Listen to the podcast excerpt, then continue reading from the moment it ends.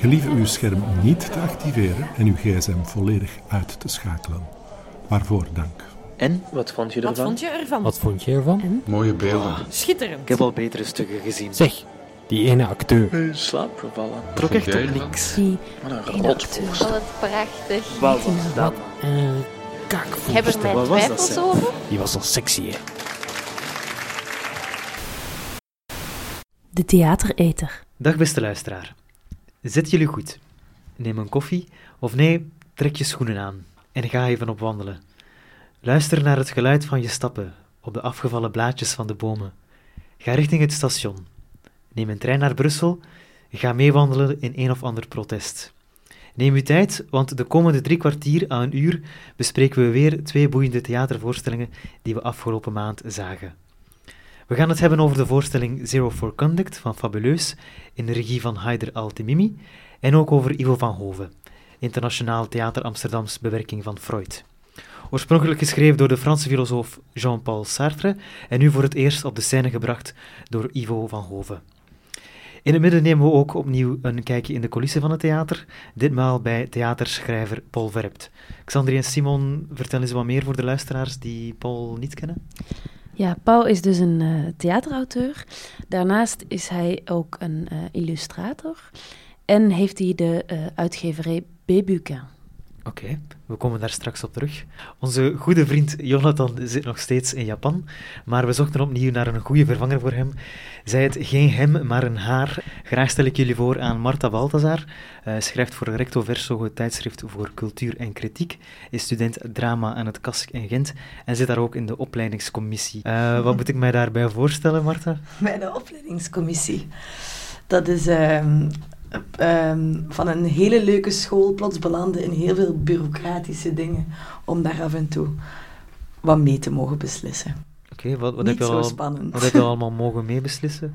Dat gaat van de rol die Engels, de taal Engels heeft in de opleiding. Eh, tot, ja, wat, wat doen we daar allemaal? Kunt je dat soms afvragen hoor. Ja, go- eh, ehm, ik, ben dan de, ik ben dan de kwade student die dan zegt, ja, dit, dit lesvak, eh, dit lesonderdeel slaat op niks. Hmm. Dat moet gewoon weg, of dit moet er nog bij. En dan krijg ik een hele hoop cijfers en redenen, argumentatie waarom het allemaal niet zomaar, zomaar gaat. En ik ga natuurlijk ook mijn, eh, mijn vaste panelleden ehm, voorstellen die het oosten voorlopig nog niet zijn gaan opzoeken. Eh Xandri van den Besselaar, dramaturg, theatermaker. Dag Matthias, fijn om hier te zijn. Ja. En Simon Bellens, filosoof. Ja, inder- fijn om hier te zijn, inderdaad. en mezelf, Matthias Corneli, uw moderator van dienst. De vorige keer was ik mij vergeten voor te stellen. Niet, eh, niet, dat, niet dat de luisteraar dat gewerkt zal hebben, maar eh, gewerkt ja. Eh, laten we beginnen met, eh, met de voorstelling Zero for Conduct van eh, Fabuleus in de regie van Haider Al-Timimi. Eh, Simon, vertel eens, wat was er te zien? Heel veel energie en een helse tirade van tien jongeren tegen het onderwijssysteem. Eh, het onderwijs dwingt de jeugd hardhandig in een keurslijf en in deze voorstelling vecht de jeugd terug. Zo zouden we Zero for Conduct kunnen samenvatten. Volgens de jongeren is het onderwijssysteem een 19e-eeuws instituut dat eh, de jongeren genadeloos klaarstoomt voor werk dat hen toch niks zegt en dat gericht is op angst en discipline. In een hels tempo illustreren een heleboel symbolische beelden en scènes die gedachten.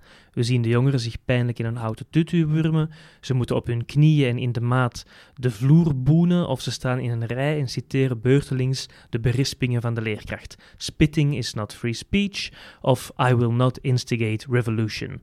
De Gentse theatermaker en regisseur Haider Altimimi weet de energie die vanuit de jongeren zelf komt om te zetten in een hevige en multimediale uitroep, waarbij soms een pauze valt, een op de achtergrond geprojecteerde time-out. De titel ontleent hij aan de gelijknamige Franse film uit 1933 van Jean Vigo over de opstand van vier jongeren tegen de kostschool. Tijd voor revolutie. Iemand de film gezien? Nee, ik Nee. niet. Ik wil hem wel zien nu. Ik ben je wel geprikkeld. Het klonk hevig, want die film is, dan, is eigenlijk meteen na de première en ook voor een twaalftal jaar eh, verbannen in Frankrijk. Mocht niet Oh, getoond worden, Dat ja. is altijd een goed teken. Ja, ik zou het aan mijn, aan mijn reputatie in, in, in dit panel verplicht moeten geweest zijn om de film te hebben gezien, maar hij, hij, was, nergens, hij was nergens te verkrijgen. Helaas. Ja. Ik ben een beetje teleurgesteld. Ja, ik ben ook in mezelf Maar teleurgesteld. ik vind het wel een goed excuus. Dus hij nog Wat- altijd een wat beetje het verbannen excuus? van het, dat het nergens te verkrijgen was. Ja, maar het was ook verzonnen. Ah, hij was wel... Ik weet het niet, ik weet het niet. Ik heb niet gezocht. Ik ben benieuwd, omdat jij eh, bekend staat als een, boze student. Ja, zeker. En ook als iemand die... burger. Ja, en ook iemand die veel in demonstraties loopt, eh, zich inzet. In zekere zin revolutionair genoemd kan worden. Ehm, sprak de voorstelling je daarom aan? revolutionair genoemd worden, zo fijn. Ehm, ja, ik denk dat echt wel. Ik denk dat hij mij op een heel persoonlijk en dus ook emotioneel level heeft aangesproken. Misschien omdat ik inderdaad bezig ben met dat soort zaken of mijn leven toch een beetje zo probeer in te vullen. En omdat ik inderdaad, denk ik, ook als, als puber mij echt herinner, of en als kind dan herinner, ik zat op hele leuke, van die hele linkse leuke scholen, zo. Dus ik heb niet echt om over te klagen, maar ik herinner mij wel dat daar mijn weerbarstigheid begon. Of zo van, er is iets mis met het acht uur op de bank zitten, ehm, eh, luisteren naar deze mens die volgens mij niet zo veel slimmer is dan wij tezamen. En zo. Dus ik, ik, ehm, ik begrijp, als ik dat zo vrij mag zijn, om, het als een metafoor te zien, de strijd tegen de school. eh, voor een strijd tegen disciplinering in het algemeen, begrijp ik die metafoor heel goed en vind ik die heel sprekend, onmiddellijk. Was je zelf een eh, rebelse leerling? Ja, ik, ik zat dus ook in wat de voorloper van de opleidingsschool. Ik, zat in de, ik was de voorzitter van de leerlingenraad en zo. Dus ik was zo rebels binnen de kaders. Binnen de ehm, wat mocht. Oké. En, en, en wat waren dan de dingen of de, de zaken die zij aankloegen in de voorstelling die jou het meest wisten aan te spreken? Waren er dingen die, die er uitsprongen, waar, waar je je in herkende? Ik denk, eh, ik vond het heel mooi dat spelen ehm, een herwaardering kreeg. Dat het echt een ode was aan spelen en aan verbeelding. En, eh, en zo dat divergent denken, dat ze, Hmm. dat ze het over hebben. Wat, wat ik, ik kende dat woord niet, divergent denken. Nee, en dat was ook iets dat mij, waar ik eigenlijk regelmatig terug aan heb moeten denken. Zij vertellen Ja. in die voorstelling dat er een bepaalde test is die ze doen bij kleuters en later bij, bij scholieren. Of ze uit, the- hoeveel verschillende mogelijke oplossingen dat ze op een vraagstuk kunnen bedenken. En dan noemen ze dan out of the box, denk, out of the box denken of divergent thinking. En, en eh, blijkbaar 98% van eh, de kleuters scoort daar geniaal op. En dat zijn nog slechts 2% van de middelbare scholieren. Dus ja, dat is... Dat was een cijfer waar dat mij wel echt was bijgebleven. Ja, en ik denk dat dat echt ook analoog ehm, loopt, zo die klacht. Allee, dat is dan, je kunt dan de school daar verantwoordelijk voor stellen voor het afpakken van dat divergent denken, waar ik deels in, in mee wil gaan. Maar ik wil nog wel veel andere mensen daar ook verantwoordelijk voor stellen, of instituten. Ehm, maar dat dat ook zo, dat voelt ook als een noodzaak in, in, in bijvoorbeeld het klimaatdebat of zo, wordt dat ook heel veel gezegd. We hebben, we hebben meer verbeelding nodig, we hebben meer out-of-the-box thinking nodig. Ehm, en, en zo, als dat ons dat als maatschappij werd, wordt afgepakt, of dat dat niet geapprecieerd wordt in onze samenleving, dat ik wel, ja, ik voel daar heel veel affiniteit mee met dat, met dat debat of zo. Ehm, en met die ode aan, de, aan het spelen en aan de chaos, die ook vormelijk in de manier dat zij speelde en in de chaos dat die voorstelling zeker is en omarmt, ehm, ja, tot ons kwam. Ja, want dat vind ik eigenlijk wel heel ehm, sterk aan hoe Haider Altimimi ook wel vaker werkt. Hij slaagt er echt in, en dat lijkt me echt niet zo eenvoudig, om wat er vanuit die jongeren... Het is sowieso niet eenvoudig om met jongeren eh, samen iets, iets te maken, denk ik. En, maar hij slaagt er echt in om de energie die in hen zit, eh, ook, ook ja, te laten uitkomen. Het is echt wat er bij hen speelt. En hij weet dat de stroomlijnen en daar ook esthetisch wel het een en het ander mee te doen. Maar je- het is een heel oprecht gevoel. Je krijgt heel erg het gevoel dat het echt is wat dat bij hen leeft. Ja, dat het een echte, een echte breaking free is. Dat hij ook elke voorstelling zo wou free breken. Mhm. En ook, ik heb ook enorm het gevoel dat naast dat het een heel integer, ik kan me daar helemaal in vinden, een heel integer eh, portret is van hen, maar ook zeker afkomstig is van hen, dat ik, heel erg het gevoel heb dat deze jongeren terug een, een, een vorm van empowerment ehm, meemaken tijdens de voorstellingen. En een, een, een vorm van eh, autonomiteit, maar ook zeggenschap, ehm, eh, eh, terug tot zichzelf trekken. Dat, ik vond dat een heel fijne en ook een heel energieke ervaring. Ja, omdat het ook over hen... Het gaat over hen als groep en je hebt echt zo'n sterke collectieve sfeer daar en een collectieve beeldtaal. Maar daarnaast en dat is helemaal deel van, inhoudelijk ook, denk ik, van het soort... ehm, iedereen is anders en iedereen heeft zijn uniciteit en dat verliezen en opgaan in een grijze massa is eigenlijk het jammer, jammerste wat we kunnen doen. Ehm, maar ik had ook wel het gevoel dat ik, dat ik acht jongeren stonden op scène, zeker. Tien. Tien. Ja, ik had er ook tien, tien jongeren. eh, dag, ja. Ja, maar er was er eentje niet. Of er, was, er, er zijn met tien jongeren gewerkt, maar ik Mm. gevoel dat er minder... Ja, Tien jongeren. daar ben ik zelf ook aan het twijfelen. Want het begint inderdaad met iemand die dat komisch genoeg moet aankondigen dat ze niet mee kan spelen omdat ze voor school eh, moet werken. mij op school. Ja. dus jij vertegenwoordigt daar in de opleidingscommissie. Eh, Ja. Ja. Extra veel woede. Ja. Maar dat ik, ik had... Allee, omdat het is ook een diverse cast. Ik, je, Mhm. hebt, allee, je weet dat er verschillende geschiedenissen en verschillende ehm, talenten dus waarschijnlijk ook aanwezig zijn of zo. En dat, dat dat ook echt mag zegenvieren. En dat ik het gevoel heb dat je ook wel een beetje hun, hen leert kennen. Mhm. Hoe kunnen wij deze voorstellingen zien in het oeuvre van Fabuleus? Allee, ik denk dan bijvoorbeeld aan 8.2 zijn er... Heel wel eens besproken. Ja, was Ja. ook een voorstelling met jongeren. Ja. Ja. Dat is toch een heel andere manier van werken als ik naar eh eh Radwan ga kijken. Omdat hij, heeft een, hij hij is iemand die een heel duidelijke choreografie voor ogen heeft. Heel goed, en eigenlijk maakt het hem, heeft mij dat ook eens in een interview verteld, hij maakt het niet zoveel uit of dat nu jongeren zijn of niet. Hij werkt ermee als de spelers die die, die heeft. En daarmee maakt hij zijn choreografie. Terwijl ik het gevoel heb, of ik denk dat toch ook wel eh, juist te weten, dat er bij Haider Altemimi wel echt, echt wordt gekeken naar wat het er... En echt wordt uitgegaan van wat er in de jongeren zelf zit. Ja, hij zegt ook in een be- een bepaald interview, en, en voor mij was dat heel duidelijk ook over de voorstelling. Hij zegt van, ik ga tijdens het maakproces weg van de hiërarchie ehm, en ik ga op zoek naar één, allee, één stem of één noodzaak. En ik meen dat ook heel erg te herkennen in deze voorstelling. Ehm, dus dat ze samen zijn vertrokken en weliswaar gaat hij uiteindelijk natuurlijk voor de voorstelling eh, ervoor zitten om ehm, de eindmontage te doen, Mhm. de eindregie. Ehm, maar ik heb het gevoel dat ook thematisch gezien eh, de onderwerpen zeker van, die, eh, van de jongeren zelf komen. Dus het gaat niet alleen over het onderwijs. Onderwijs is misschien een, een, een metafoor voor dingen als kans op de arbeidsmarkt, racisme. Ehm, en ik heb het gevoel dat die heel erg vanuit de kinderen of de jongeren pardon, zelf zijn gekomen. Ehm, en misschien zat ik te denken ook. Een van de dingen die ik het meest opvallend vind aan de voorstelling is, is ook het ritme. Ja. Dus er werd al Mhm. gezegd, je hebt één keer in de zoveel tijd een, eh, een time-out. Die wordt geproject, geprojecteerd op het achtervlak. Geprojecteerd en ook met een luide... Ja, en die wordt Mm. begeleid door een luide knal eigenlijk. Ehm, dus de voorstelling is enerzijds heel fragmentarisch. Er zijn beelden, er is tekst. Kunnen, kunnen we die time-out ook zien al als een soort van ingreep van... een- van is, het- is, is dat dan? Is een disciplinerende een- een ingreep, van, het, van, van het onderwijs of van de politiek die zegt van... Hou jullie je mond en, Ja. en, en doe wat... Ja, inderdaad. Het is- ja, het- zo voelde het wel voor mij. Het is iets wat je ook op school soms krijgt, een time-out, moet je even in de hoek gaan staan. Maar wat ik mij volgens mij, ik weet eigenlijk niet, het, het zou kunnen dat ik me een fout herinner, maar ik heb ooit eens, eh, ben ik eens binnengelopen toen Haider Altimimi met de jongeren van Kloppend Hert aan het, aan het werken was. En volgens mij, als, als de energie te veel werd en de chaos te groot, dan riep hij ook, oké, gasten, time-out, time-out. Ah, ja. Dus het was, het zou, Hij is er schuldig aan.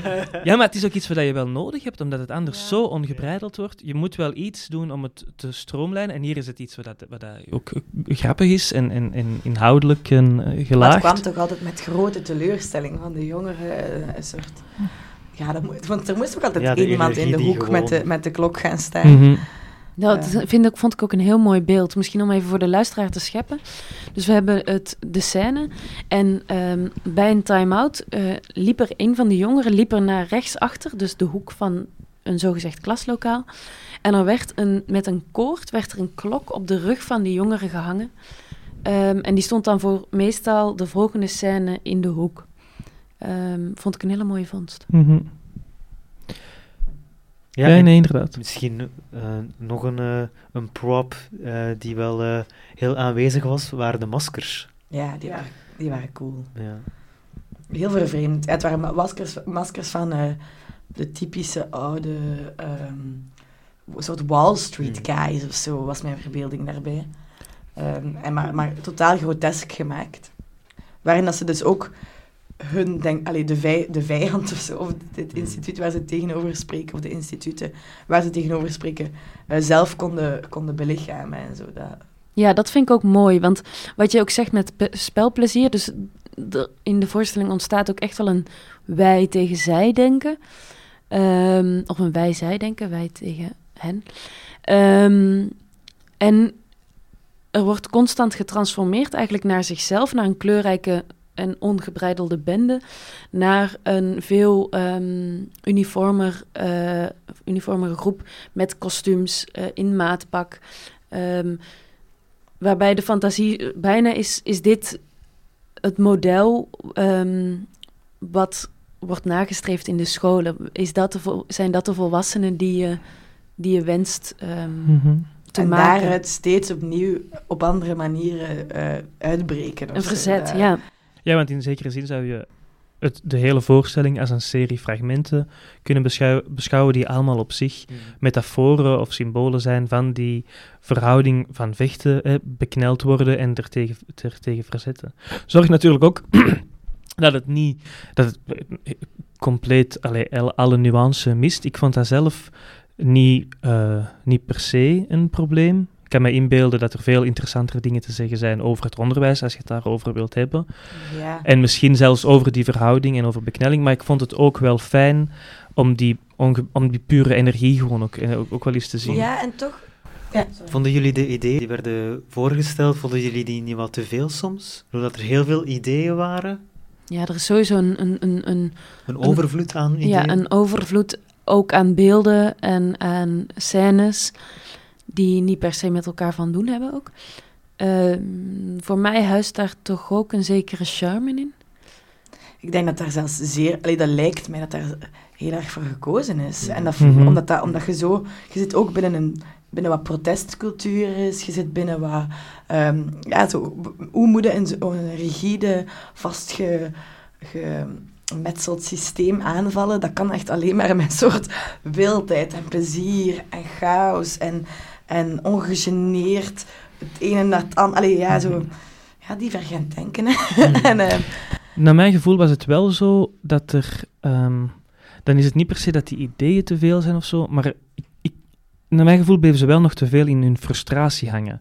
En frustratie kan op zich ook heel eh, verstarrend zijn. Je zou kunnen zeggen, want het is, het is ook niet eenzijdig natuurlijk, je zou kunnen zeggen dat door er theater van te maken, dat het ook een manier is van een ritme te vinden, van een bepaalde soepelheid te vinden, waardoor dat je met die frustratie kan omgaan en dat het creatief wordt, dat het iets nieuws kan worden.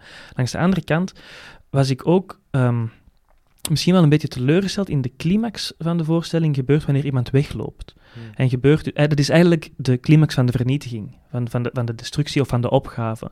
En dat, dat, dat was voor mij exemplarisch in het blijven, eh, ook wel een klein beetje blijven steken in een frustratie die op zich heel verstarrend kan werken. geen alternatief kunnen ehm, formuleren, bedoelt je? Nee, want ik bleef wel achter van, oké, ja, goed, wat moeten we dan doen of zo? Of hoe zit dat dan? Hoe zien jullie de toekomst er dan, dan uit? Ja, dat is de vraag die jij hun wou stellen. Ja, daar bleef ik wel een beetje mee, mee achter, ja. Ze spreken dan over liefde, maar wat dat het allemaal betekent... Ik, ik, zeg het, ik vind het zeker geen zwakte van de voorstelling dat het niet genuanceerd is. Dat, het- het is pas wanneer dat die... eh, of, of dat het karikaturaal is of zo. Het is pas wanneer dat, dat zelf blijft steken in een bepaalde frustratie. Ja, Dat omdat het, ik eh, heb het gevoel dat het blijft steken in het gevecht. En dat zit ook in die dramaturgie van steeds Voilà. die time-out. En eigenlijk allee, omdat ik dat wel echt gelezen heb als soort ingreep of een... ehm, dingen en banden even leggen en dat ze daar altijd opnieuw uit moesten. Dus dat je voelt zo, dat, hoe dat verandering of hoe dat protest ook werkt. Dat, dat, is zo een traag, inderdaad frustrerend iets, omdat je altijd weer op dezelfde muur lijkt Mhm. dus, te stuiten of zo. Totdat er misschien eens iemand weg moet lopen. Maar ik begrijp dat, ja. bedoelt. Ze blijven vechten. Maar er is ook een, er is ook een wereld die daarachter ligt. En Ja, waarbij ja. dat je plots een eigen dynamiek kan vinden, een eigen ritme, en waarop dat je dat vechten eigenlijk helemaal Waar achter kan laten. ja. theatervloer misschien ideaal voor is om die te gaan onderzoeken. Voilà, ja. En ik denk dat ze daar dan misschien nog net niet... Ze kloppen op de deur, en, maar ze zijn daar nog net niet. Voor mij is het ook, als ik dan toch nog één klein Mhm. kritisch puntje mag noemen. voor mij is de charme eigenlijk tegelijkertijd ook misschien wel een klein ehm, obstakel. Een klein obstakel. Wat bedoel je met de charme? Dus ja, de- ik vind de voorstelling ongetemperd. ehm, maar En dat vind ik prettig ook. maar op momenten ook lijkt het wat te verzanden in een, in een stuurloosheid. Wat ik ze ook weer onmiddellijk vergeef, omdat er met zoveel jongen en branie op het, op, op het podium wordt gestaan, dat ik... ehm, Maar en goed, goed gedaan. Moesten ze, want ze, ik vind echt dat ze rete goed spelen. Ook niemand die uit de boot valt of zo. Niemand die uit Vond de ik ook boot valt. En zo, dus er zit, eh, je voelt- er zit ergens een kunde in dat, eh, eh, in dat wild zijn. No- Nodigt de voorstelling uit om, om zelf ehm, te gaan protesteren? Of rebels te zijn? Of, of hadden jullie zin om... Maar kijk, dit is iets, wij, wij zijn nu allemaal jonge, jonge mensen en nog voorlopig, voor zover ik weet, kinderloos. Tenzij, tenzij iemand hier geheimen heeft. Maar Nee. het is wel iets wat ik wel meer en meer, en ook door zo'n voorstellingen dan over ga denken, van ja, het is onwaarschijnlijk om vast te stellen dat kinderen die zo geweldig leergierig zijn, die alles willen weten en alles willen doorvragen, dat die vanaf ze 13, 14 jaar zijn compleet leermoe zijn. Dat is een verschrikkelijke vaststelling. En dat is, het zijn wel zo'n voorstellingen die toch opnieuw... Ja, hoe moet je daar ooit zelf als ouder of als pedagoog mee, mee omgaan? Want dat is ook een heel contradictorische opdracht. Dat zie je niet in deze voorstelling, want zij spreken vanuit, vanuit het kind Ja, of vanuit de student. Maar de andere kant is ook een moeilijke taak natuurlijk. Ik heb ook wel iets, denk ik, bijgeleerd over wat lichaam daar. Omdat het is ook wel een dansvoorstelling, dat is eigenlijk nog niet echt gezegd. Mhm. En zo, dat dansen staat ook wel echt symbool, denk ik, voor dat... Of voor mij staat dat gewoon in contrast met het op de bank moeten zitten. En ehm, ik, eh, ik ben zelf nooit zo de puber geweest die dat heel lastig... Allee, die echt heel lastig had om stil te zitten, maar ik... Er zit gewoon... Eigenlijk ik vind het eigenlijk inderdaad gewoon misdadig. Het feit dat wij afstand, zoveel afstand van ons lichaam moeten gaan doen of zo. In dat opzicht is dat wel iets... Na die voorstelling had ik ook wel gewoon zin om voor eeuwig salsa-lessen. te- Allee, of geen salsa-lessen, maar gewoon een soort, ik weet niet, jong, jong zijn in het dansen of Ja, zo. kijk, van ja, voordat je, ja, dan, dan ben je zo doodgeleerd en dan moet je zo van die flamenco of salsa lessen gaan volgen niet. of van die of, Wanneer- of herfstwandelingen gaan maken naar, naar een of andere betoging in Brussel. hè. Ja. Heerlijk, toch? Eh, wanneer kunnen we de voorstelling nog zien? We Zero for Contact speelt nog tot zeker 11 april 2020 in Vlaanderen en in Nederland, waaronder een heleboel schoolvoorstellingen. Dat vind ik echt heel fijn. Oké, dankjewel. Goed, eh, Simon en Xander, jullie zijn ehm, opnieuw in de coulissen gedoken. Ehm, daar hebben jullie Paul Verript tegengekomen. Vertel even, ehm, ja, hoe was het? We zijn, we zijn niet echt in de coulissen. We, hebben- we hebben de trap genomen. Nee, we hebben een hele oude lift genomen naar een, een, een prachtig uitzicht boven eh, Antwerpen en Berchem. En daar hebben we met hem koffie gedronken. Ja. En eh, ja, naast de boeken gezeten. Ik heb ook meteen een boekje aangeschaft. Dus ik ben, eh, ja... en dan zijn we vrienden geworden. Een, een boekje van, van een voorstelling? Of? Nee, een, een, een boekje waar we het eh gaandeweg het gesprek over hadden van ehm, een auteur die, die zijn uitgeverij heeft eh, uitgegeven. Oké, we gaan even luisteren.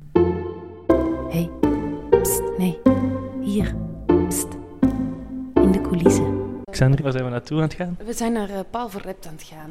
Ehm, ik denk dat we hier deze lift moeten hebben. Heel ouderwetse lift. Zo eentje die je niet meer veel ziet. Ja hoor, hij, is, eh, hij komt eraan. Op eh, verdieping 7 moeten we zijn. Oei. Ja, wordt lekker knus. Maar hoe moeten wij hier aangeven? Ja, hier.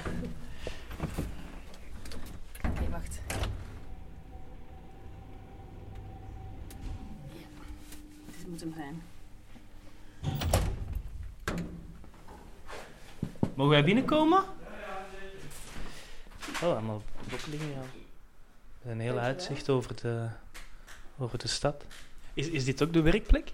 Ja, maar ik werk eigenlijk een beetje overal wel. Ik ben wat te onrustig om op een stoel te zitten. Maar dat kan ook zijn dat ik rondfiets met een schriftje en dan is mijn fiets de werkplek, dus dat is niet zo, dat kan ik niet zo tonen. Nee, dit is eigenlijk wel het eh, controlepost. Hier, hier behoud, je letterlijk een overzicht. Eigenlijk. Ja, ik heb een beetje claustrofobie. Daarom dat ik graag hoog woon met een overzicht. Ja, ja, ja. En ook heel veel van mijn werk trouwens gaat, eh, gaat over benauwenis eigenlijk. Over eh, proberen weg te raken. Ja. Wil je wat graag suiker of niet? Nee, nee, nee, nee. Just. Melk? Ook niet, Ah, dankjewel. dat Ik ben een beetje in de boekenkast aan het... eh, Ja, aan het kijken. daarachter staan de, dat zijn behalve die, de boeken die van mij zijn. En daarachter staan eh, de boeken die ik uitgegeven heb. Achter het hoekje. Ja, en ook nog, ik geef ook zelf soms een boek uit. Ja, dat, ik ben ooit een uitgeverijtje begonnen dat Amerika heette. Nu doe ik dat niet meer onder die naam, maar als er iets is dat ik graag uitgegeven wil zien en ik heb een beetje geld over, dan, dan doe ik dat. Zo. Eh, misschien moeten we, ons, moeten we even beginnen. Wil jij jezelf voorstellen, Paul? Ja, ja ik ben Paul en ik... eh, wat ik nu doe is schrijven, tekenen en boeken uitgeven. Ehm, boeken uitgeven, boeken ontwerpen ook. Ja, dat is eigenlijk wat ik doe. Mijn achtergrond is, eh, is nogal grillig. Ik heb eigenlijk alleen een middelbaar onderwijsdiploma. Ik heb een beetje een half jaar iets, anderhalf jaar kunstacademie gedaan. Ik ben dan theater beginnen maken. Ehm, ik schreef al wat over theater voor een, voor een heel klein tijdschriftje, het Muzet. Maar daardoor had ik wel ongelooflijk veel voorstellingen gezien. Echt zeer veel. Ehm, vier, vijf per week zag ik er toen ik zo 18 jaar was. En ehm, de eerste voorstellingen waren met Guy samen, met Guy Cassiers. Die was toen, zat toen ook op de academie. En daarna heb ik dat nog een tijdje verder gedaan, min of meer in mijn eentje. Ik merkte dat in groepwerken niet mijn, niet mijn kracht was. Toen heb ik allerlei, allerlei beroepen gehad, van klusjesman tot, tot barman natuurlijk. En eh, televerkoper ook een hele tijd. En dan ehm, op een dag had ik dan als vertegenwoordiger echt flink wat geld verdiend. En dan ben ik gestopt en ben ik grafisch ontwerper geworden. Ik merkte alleen dat dat een heel gepland leven werd. In die mate zelfs dat ik eigenlijk al wist wat ik op 13 maart het jaar daarna ging doen. Dus dat begon toch ook te wegen. En ik vond die, die schaal eigenlijk, al was dat een klein bureautje, hè, ik vond die schaal toch al, toch al erg groot. En ik merkte dat ik niet meer kon ingaan op impulsen. Daar was eigenlijk geen tijd of ruimte voor. Als ik eh, vond dat ik een goed idee had, kon ik dat eigenlijk pas een jaar later realiseren. Als, ik, eh, als er iets, iets interessant voorbij vloog, kon ik het niet pakken, want ik moest andere dingen pakken die me misschien minder, die misschien minder gelegen kwamen. En dan heb ik, eh, ben ik meer gaan schrijven en tekenen terug en had ik dus meer vrijheid. Nu moet ik zeggen, dat planmatige werken tegenover eh, impulsen waar je graag op zou ingaan, dat is nog altijd een probleem hoor. Dat, ja, je plant je werk en, dan, en je werkt in een wereld en dan, dan, dan hou je je aan die afspraken. En dat, dat loopt soms, eh, ja, dat, dat, hindert soms even goed als dat dat soms helpt. Dus eh, het probleem is niet helemaal van de baan. Maar wat wel zo is, is dat ik veel meer schrijf en eh, ja, meer tijd heb om bijvoorbeeld een week te tekenen. Ik heb, er- ik heb er net een, zinnetje over geschreven eigenlijk. Dat is over, over drijfveren en dat is eigenlijk dat je op een bepaald moment, enfin, dat ik op een bepaald moment eigenlijk accepteer wie ik geworden ben. En dat is iemand die met, met woorden en zinnen en, en, en, zo, en verhalen en, en lijnen en kleuren ook, hè, en, en beelden ook, in zijn hoofd rondloopt. En daar eigenlijk altijd maar mee bezig is. En op een bepaald moment denk ik dat ik dan beslist heb daar goed voor te zorgen. Voor die dingen die, die ik in mij heb. En ook wel op een, op een wat vriendelijkere manier dan, ehm, dan vroeger, waar ik eigenlijk heel de tijd mijn eigen stem haatte. Kun je het moment aanwijzen waarop dat goede zorgen is begonnen? Nee, dat is echt geleidelijk gegaan, omdat dat, ehm, dat heeft ook met desillusies te maken. Hè. Dat is, heeft er dus mee te maken dat je merkt dat, je- dat dingen niet lukken. Dat zijn vaak ook heel concrete dingen. Je, je, ja, maar bedoel met heel concrete dingen, dat, je, dat heeft ook te maken met succes en zo. Dat je merkt dat je ergens voor muren komt te staan waar je niet doorraakt. Maar dat betekent ook dat je dan weet waar je wel bent op den duur. En wat je schaalbereik is en dat je dat accepteert. En dat, dat ik accepteer dat er een aantal thema's zijn die op het vervelende af voor mijzelf zich heel de tijd opdringen. Zoals die benauwenis, zoals die, al, die, al, die, al die verlangens. Al die, dat zijn zo thema's die altijd terugkomen, maar daarover zal ik het ook hebben. Dat accepteren, dat, dan weet je eigenlijk wat je gaat vertellen. Dan weet je eigenlijk welk liedje je gaat zingen. En dan kan je pas uit volle borst zingen. Allee, ik accepteer mijn taal eigenlijk zoals die geworden is. Is, is dat ook de reden waarom je eh, als toneelauteur werkzaam bent? Juist door de taligheid, maar ook het ritme zo belangrijk vindt? Ja, ik denk het wel. En ik denk ook dat. ehm, ja, het. het, het eh, ik kan zinnen moeilijk loszien van, van stem. En ik kan zinnen moeilijk loszien van spreken. Het heeft er zeker mee te maken dat heel mijn, mijn taalgevoel helemaal gegroeid is door, door, het, door het spreken in het gezin waar ik uitkom. Echt, hè. Dat is echt door. door ehm, daar was zo'n eh, een soort Nederlands dat wij spraken, dat eigenlijk niet in Nederland gesproken werd, maar zeker ook niet in Vlaanderen gesproken werd. Dus is zo- Waar ben je opgegroeid? ja, hier in, in, in Mortsel en Kontig en Deurne en Borgerhout. Dus de randgemeentes van Antwerpen, maar dat heeft ermee te maken dat... Maar het was geen Antwerps. Nee, nee, nee mijn vader was, was prof en die gaf in de TEW les en taal. En eh, dus wij spraken een soort algemeen Nederlands, algemeen beschaafd Nederlands. Maar dat was een taal die niemand anders sprak buiten dat gezin eigenlijk. Maar was het wel de taal zoals die in de jaren 60 en 70 op de BRT gesproken werd? Want het was wel een taal waarmee je alles zei. We zeiden er alles mee. En op de BRT zei men alleen maar hyperbeschaafde dingen in die tijd. Dus dat is, dat is niet zo.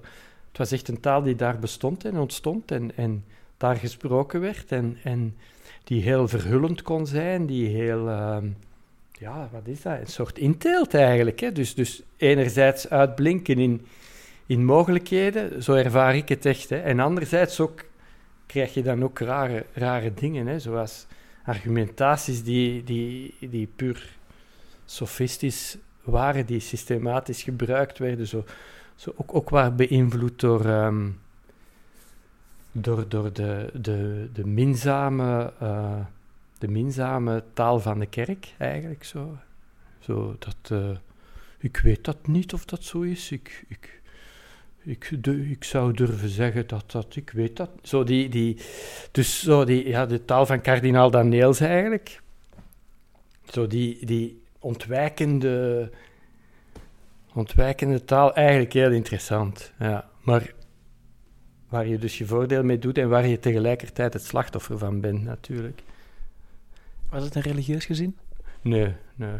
Nee, ja, mijn, mijn ouders waren gelovig, maar wij al snel niet meer. En Het is niet de religiositeit die je benauwt of zo, nu, als het over benauwenis gaat. De benauwenis komt wel voort uit, uit dat gezin, denk ik. En ik weet niet goed waarom eigenlijk. Maar eh, ja, het is, het, is, het, is, het is irrelevant hoor. Maar ik ben geboren met de navelstreng rond mijn hals. En het is, er is daar altijd een benauwenis geweest.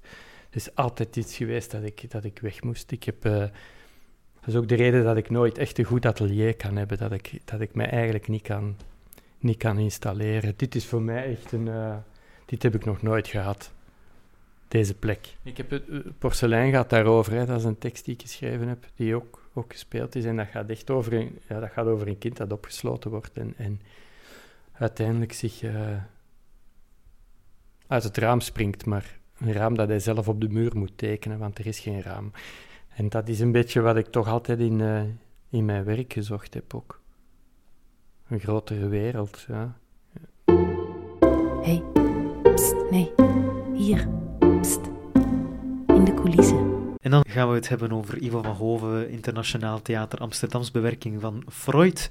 Ehm, Simon, en ja, natuurlijk in samenwerking met FC Bergman, dat had ik nog niet gezegd. En toneelhuis ook. en ja. Ehm, Simon, vertel even, ehm, wat is er te zien? Het was als een, als een echte Hollywood-thriller. Eh, zo neemt de gemengde cast van Internationaal Theater Amsterdam en FC Bergman ons mee door de jonge jaren van de beroemde psychoanalist en filosoof Sigmund Freud, hier gespeeld door Stef Aarts. In het wenen van het einde van de 19e eeuw is de pas afgestudeerde eh, Freud zoekende. Hij is iets op het spoor, een verklaring voor de hysterie van zijn vrouwelijke patiënten, een onderbewustzijn. Hij is als een detectieve, zien wij hem hier. Regisseur Ivo van Hoven kreeg het voorrecht om als eerste het oorspronkelijke scenario van de Franse filosoof Jean-Paul Sartre op de planken te brengen. Die schreef het eind jaren 50 voor Hollywood-regisseur John Huston, maar na een conflict verdween het manuscript in de kast en mocht er niets mee gebeuren behalve uitgeven. Tot Ivo van Hoven met zijn sterrenkast aanbelde. In een grandioos decor van Jan Verswijfeld, vol Jugendstil-details, lopen dokterskabinet en Freuds leefruimte door elkaar. We zien de artsen die hem inspireren, zoals Matteo Simoni als dokter Vlies, en patiënten zoals Marie Vink, maar vooral Helene de Vos, die eigenlijk alle uh, patiënten van Freud in die jonge jaren uh, in één persoon uh, draagt. Terwijl de scène alsmaar leger en kaler wordt, werkt Freud niet alleen aan haar trauma's, maar ook aan de zijne. Oké, okay, dankjewel. Het decor is het, het, het, het, meest sprekende, denk ik. Of het meeste... Wat ook meteen geweldig op. Het is zo groot. Het is zo ja. groot, het is zo... Uh, het is echt mooi ook. Het is echt het is een streling voor het oog. En toch... En, een, en een, meest, misschien wel de meest sprekende tekengever of zo. Of de meest... Um, um, ja, de meest belangrij belangrijke dramaturgische ingreep die je zo kan lezen, is het lichtplan. En wat, ja, want wat er eigenlijk gebeurt in het decor, vond ik misschien ook wel het interessantste van de hele voorstelling. Dus dat ze het helemaal leeghalen en dat er dan bijvoorbeeld die donkere kamer bij komt van... Uh, dus het is echt een Jugendstil-kabinet hè, met, met de eetkamer, maar ook met de, de, het ziekenbed waarop de dingen... En dat wordt leger en leger gehaald, wordt heel clean, hè, zo echt een klinische mm -hmm. hospitaalruimte. Maar dan komt er een, van, vanuit, van bovenaan een zwart kabinet, waarin de uiteindelijke psychoanalyse uh, zal plaatsvinden. Ik vond dat een jammer. Hè? Omdat ik, ik hield wel van het begin, het beginbeeld, dat je, omdat dat, um, dat was, het is, is zo'n groot podium en er, is, er uh, lopen verschillende scènebeelden beelden door elkaar. En dat gaf ook de kans om simultaan scènes te spelen die in elkaar overgingen, wat wel... Ze hebben hem misschien net wat te veel gebruikt, dat trucje, maar het was wel mm. een mooi, mooi trucje. En ook een atypisch decor. Misschien is dat ook wel goed om te zeggen. Jan Verswijveld. Ik denk dat de mensen die veel van ITA hebben gezien, of het voormalige TA, uh, vooral grote klinische ruimtes zien, um, uh, lofts, New York. Terwijl dit bijna naturalistisch is, um, waar uh, de longen van mensen of de hersenen van mensen inderdaad naast een hele grote kamerplant uh, staan. Toch wel een atypisch beeld voor Jan Verswijveld, die over het algemeen veel soberder te werk gaat. Maar dat klinische werd het op het einde dan toch weer wel, hè? Het, ja, inderdaad. De scènes worden op een gegeven moment versneden door een, een kleiner kabinet waar hij uh, zijn patiënten dan in ziet. Of een kabinet, of misschien ook het huis van de patiënt zelf. Dat is niet helemaal duidelijk. Um, het wordt inderdaad leeggehaald, ja het, het, het transformeert meer en meer naar een, naar een lege plek. En wat, wat waren die keuze, denken jullie? Om het helemaal leeg te halen tot een klinische ruimte?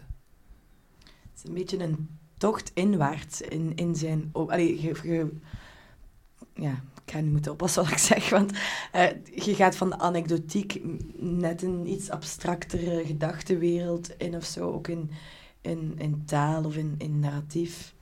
Al vind ik dat het dus nog allemaal heel anekdotisch blijft. Maar je voelt dat dus ook in de scenografie, dat ze naar een soort... Uh, ook omdat bijvoorbeeld de momenten, en dat is, dat is, wel, dat is wel heel spannend met licht en zo, dat, je zo, dat, ze, dat er een patiënt in, de, uh, in een hypnose gaat, verandert het volledige licht en dan, um, dat is met dan een bepaalde soundscape en zo. En dan voelt ook, ah ja, nu zijn we in de abstracte ruimte. Ja, het voelt, voelt aan alsof je een, een game binnenwandelt. Vond ik ja, ja, ja. Vond ik het onwaarschijnlijk dwaze keuze. Echt, daar heb ik nog altijd geen woorden voor. Ja? Dat ze, die, ja, dus ze spelen die hypnosescènes en dan gaan ze daar een soort science fiction van maken. Echt alsof dat je een game is, zo, ook zo de, de vertragende muziek, alsof dat je een moeilijk level moet spelen. En echt, ja, koren op de molen van iedereen die de psychoanalyse belachelijk wilt maken. Echt draagt totaal bij aan, aan ja, dat mystificerende begrip van de psychoanalyse. Ik vond het echt uh, in, in, inhoudelijk, hermeneutisch vond ik het echt een, een waanzinnig stomme keuze. Ik, echt, uh... Maar in spanningsboog was ik wel altijd blij als het eraan hmm. zat te komen. Dan dacht ik, ah, dan zitten we nu ergens... Want ik, die anekdotiek vond ik net zo zenuwslopend. Maar inhoudelijk snap ik wel echt goed wat je hmm. zegt. Wat bedoel je met de anekdotiek? Gewoon omdat het het leven van, van de jonge Freud... Uh... Ja, het is een soort uh, spelregister dat wordt opengetrokken en ook de, de taal die wordt gebruikt of zo zit zo hard in een... In een ehm, ja, bijvoorbeeld in een anekdotische sfeer. Zo de, centraal in de voorstelling staat de relatie met zijn vader, die problematisch is. En dat krijg je dan te zien door zo twee of drie ehm, kleine scènetjes waar er is iets mis is gelopen met zijn vader. In plaats, terwijl die voelen dat niet zwaar genoeg om echt dat probleem of dat trauma te kunnen coveren. En je voelt dat dat eigenlijk echt gewoon over een alleen veel complexere band zou moeten gaan. Maar dat wordt zo opgelost door zo van die ja, een beetje lullige, anekdotische scènes, vind ik dan. Hmm. Hmm. Ehm, Ik vond dat ook in de, in de snelheid van het stuk zelf zitten. Dus het is een, voor mijn gevoel het als een, een, een snelvaart. Ja, want het is ongeveer zeven jaar van het leven van... Mhm, Het is maar zeven jaar van het leven. jaar Ja, van het leven van Freud. Ja, Maar zeven jaar. maar ja eigenlijk- zeven cruciale jaren eigenlijk voordat hij eh, de, droomduiding schrijft. Ah, ja. ja, ja. Dus op het moment dat hij, hij is afgestudeerd, hij is eigenlijk al werkzaam in de academie als neuroloog. En hij eh, gaat dan, begint er eigenlijk mee dat hij gaat studeren bij Charcot in Frankrijk. Bij een man, die, ook een neuroloog, die met de hypnose heel erg bezig is. En eh, hij komt terug en hij, en hij begint zijn eigen praktijk. En hij zit dan met zijn leermeesters en met andere dokters in de clinch. Of, eh, hij is de, de jaren waarin dat hij echt zoekende is naar wat hij... Wat hij wat, en de jaren die, ook wel, ja, die hij En ook, wel ook- gehad heeft. En ook wel zeer dramatisch voorgesteld. Dus ik, eh, wat mij opviel, dit- dit- ik vind het stuk dus heel erg snel gaan. Ik eh, kan me heel goed voorstellen wat Marta zegt van... De, de, het, is, het is eigenlijk ehm, eh, conflict op conflict. Het oorspronkelijke stuk zou eh, eh, zeven uur geduurd hebben. Dit duurt een, een ruime twee uur, denk ik. Tweeënhalf. Ja, het oorspronkelijke stuk was voor een film, hè? Ja, maar Ja. dus dit stuk... Dat was een door- Netflix-serie geweest. Dat was Voilà. vandaag. Kijk, vandaag zouden Sartre het wel gemaakt hebben. Ja, hij had blijkbaar een versie van 7 uur en een van 3 uur. En Ja. dan eh, vond, ja, vond de En, regisseur wel en te lang. precies, ja. Dus eh, toen eh, is het stuk opgesloten geraakt. Maar ik, voel, ik, ik heb het gevoel dat ik dat blijf voelen. Ehm, dat het een, heel dens is en conflict op conflict. ehm, waardoor het een soort van intellectueel, een intellectuele soap Ja, maar Wordt. ook dubbelop wordt. Of zo. Het zit ook echt in, in het spelen, denk ik. Iedereen...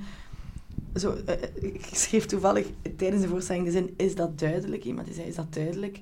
En je kunt dat op zoveel manieren spelen, maar als je dat ook nog eens staat te roepen, zoals dat je alle andere teksten staat te roepen, ja, dan is dat zo... Dat is, dat dan heeft dat allemaal een- geen betekenis voor mij meer. Dus ja, ik had het gevoel dat iedereen een beetje... Hoe heet hij? De...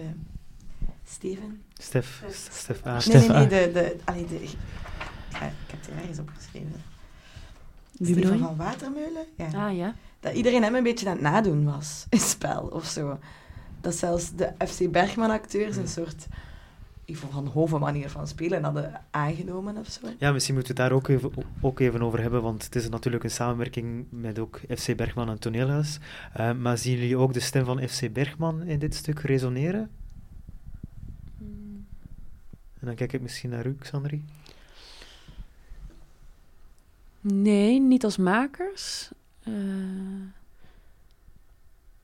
Koen is wel verantwoordelijk, dacht ik, voor de bewerking. Ehm, als makers, nee, zie ik niet meteen iets terugkeren. Wa- wat, wat voor mij wel, eh, waarin ik... Hoe ziet, de, hoe ziet de beeldtaal van FC Bergman er normaal gezien uit? eh, ook wel overdadig. Ja, ook Um, heel groot, toch? Groots Ja, wel ook echt. Veel brutaler en rauwer. ja. Voilà, ja, dat zou ik ook. Ik zou dat ook inderdaad eerder zo eh, kenmerken.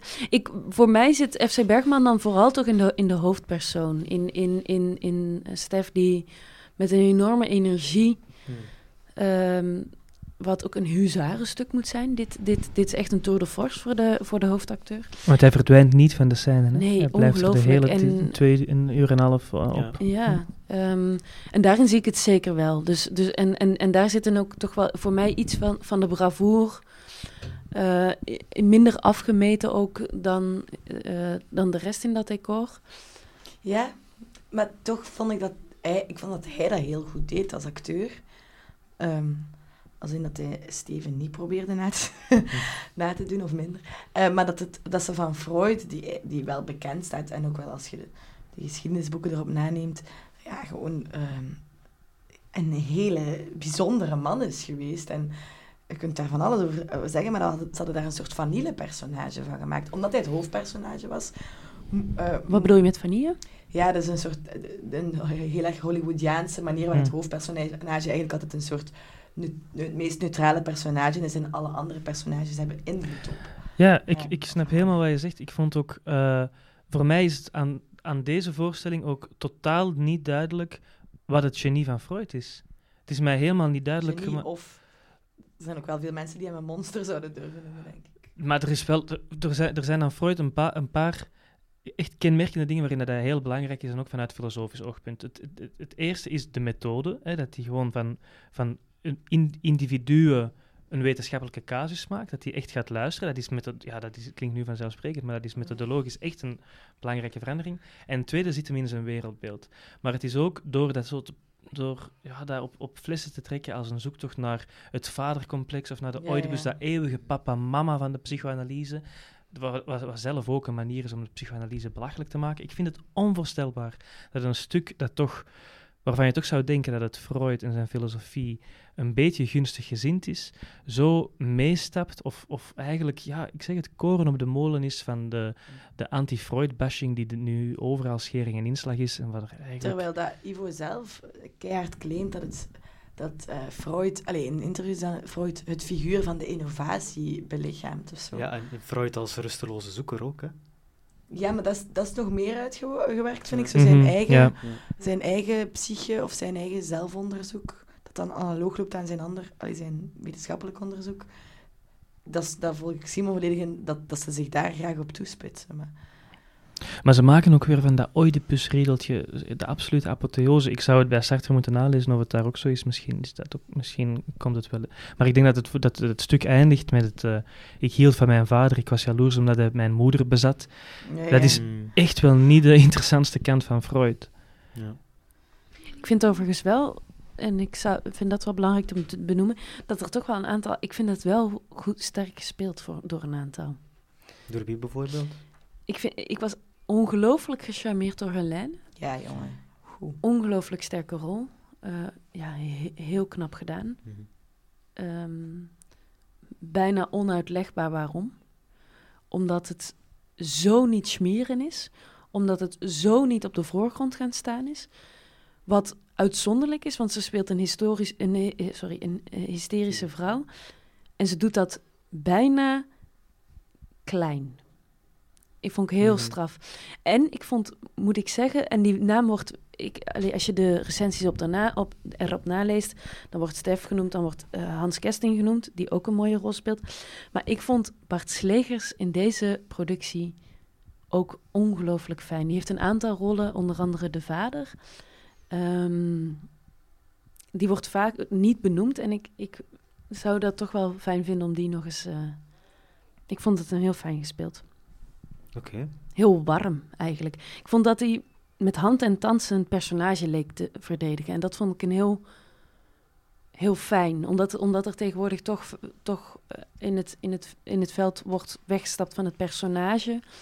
Ehm, en ik denk dat dat echt goed spelen, dat dat je personage ook met hand en tand verdedigen eh, eh, moet kunnen zijn. En dat, nou, dat vond ik in deze voorstelling wel heel duidelijk. Zeg, in, in het promopraatje eh, zegt eh, Ivo ook dat hij zijn voorstellingen eh, niet wil zien als een fotocopie van zijn vorige voorstelling, maar als een nieuwe zoektocht. En ja, ik heb toch vaak het gevoel dat ik vaak dezelfde stijl opnieuw zie gehanteerd worden. eh, die chirurgische precisie van, van alles. Wat vinden jullie?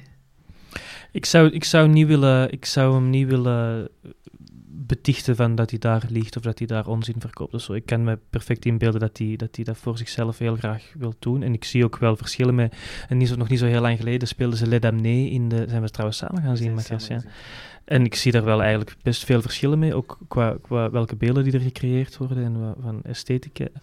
Maar natuurlijk, ja, hij is al een tijdje bezig en je ontwikkelt wel een eigen eh, stijl. Je komt dan ook in zo'n grote eh, productiemachine als, als het Internationaal Theater Amsterdam, waar je toch altijd opnieuw met, de, met bepaalde standaarden moet zien te werken. Dus inderdaad, ja, hij heeft misschien... Ja. Hij kan ook bijna niet meer onderdoen, denk ik. Met al die internationale prijzen die hij heeft gekregen. En effectief, ik heb op een blauwe maandag in, bij ITA gewerkt. Eh, dat is gewoon gigantisch. Dus er staan op elke afdeling staan, staan twintig mensen te werken. Ehm, ik vind in zekere zin, ja, eh, zie je in elke voorstelling de vorige voorstelling Mhm. en misschien ook een deel van de volgende voorstelling. Ehm, misschien ook omdat hij samenwerkt al jaren met Jan. Een, een, een vaste combinatie. Ehm, Maar er is nog een verschil tussen in, in, in termen van onderzoek praten en eh, eh, dat hij, dezelfde, dat hij waarschijnlijk dezelfde methodes gebruikt en zo voor de. Maar ehm, ik denk dat hij heel hij goed kiest weet... nu toch wel bijvoorbeeld om met FC Bergman samen te werken. En het feit dat dat nergens weer spiegelt, voor mij toch, als in dat alles waar...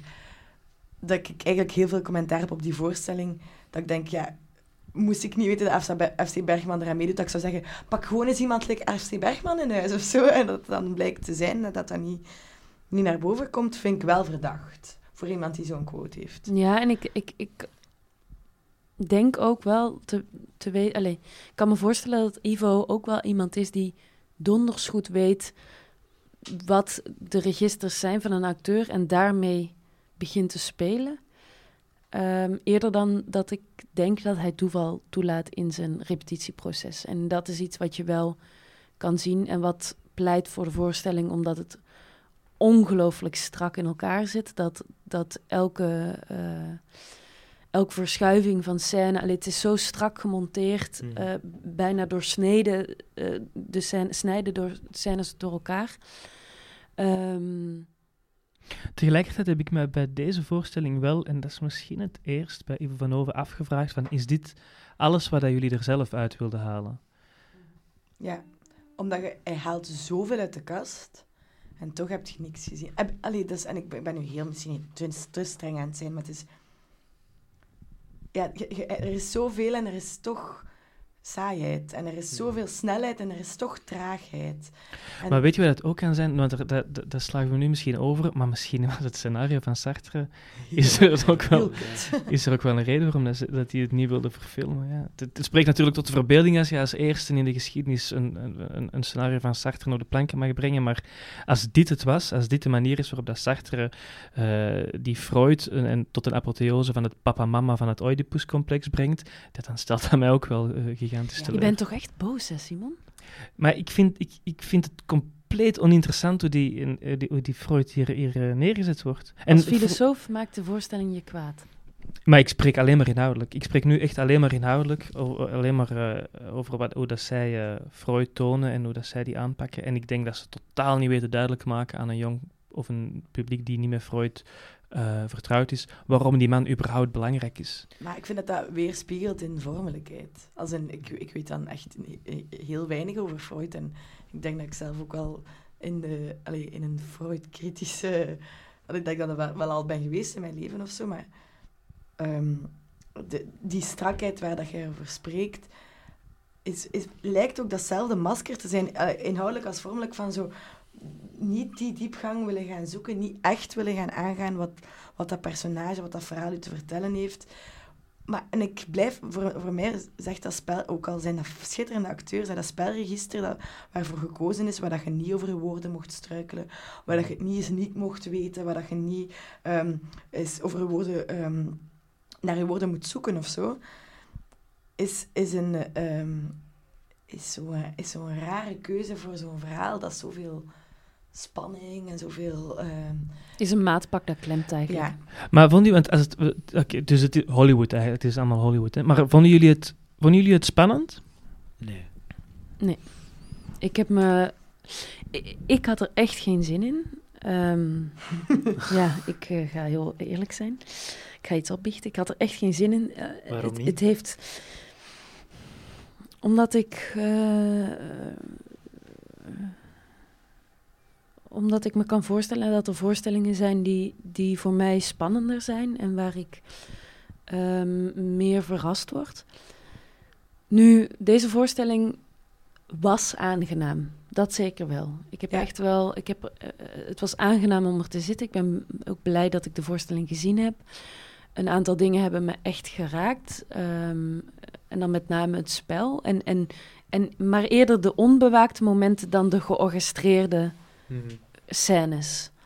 Ehm, ja, dat was dan voor mij het. het, het eh, Zie, wat, wat ik me nog afvroeg, als Sartre dan toch zo'n saai ehm, scenario geschreven heeft. En durven we dit echt nooit, te zeggen?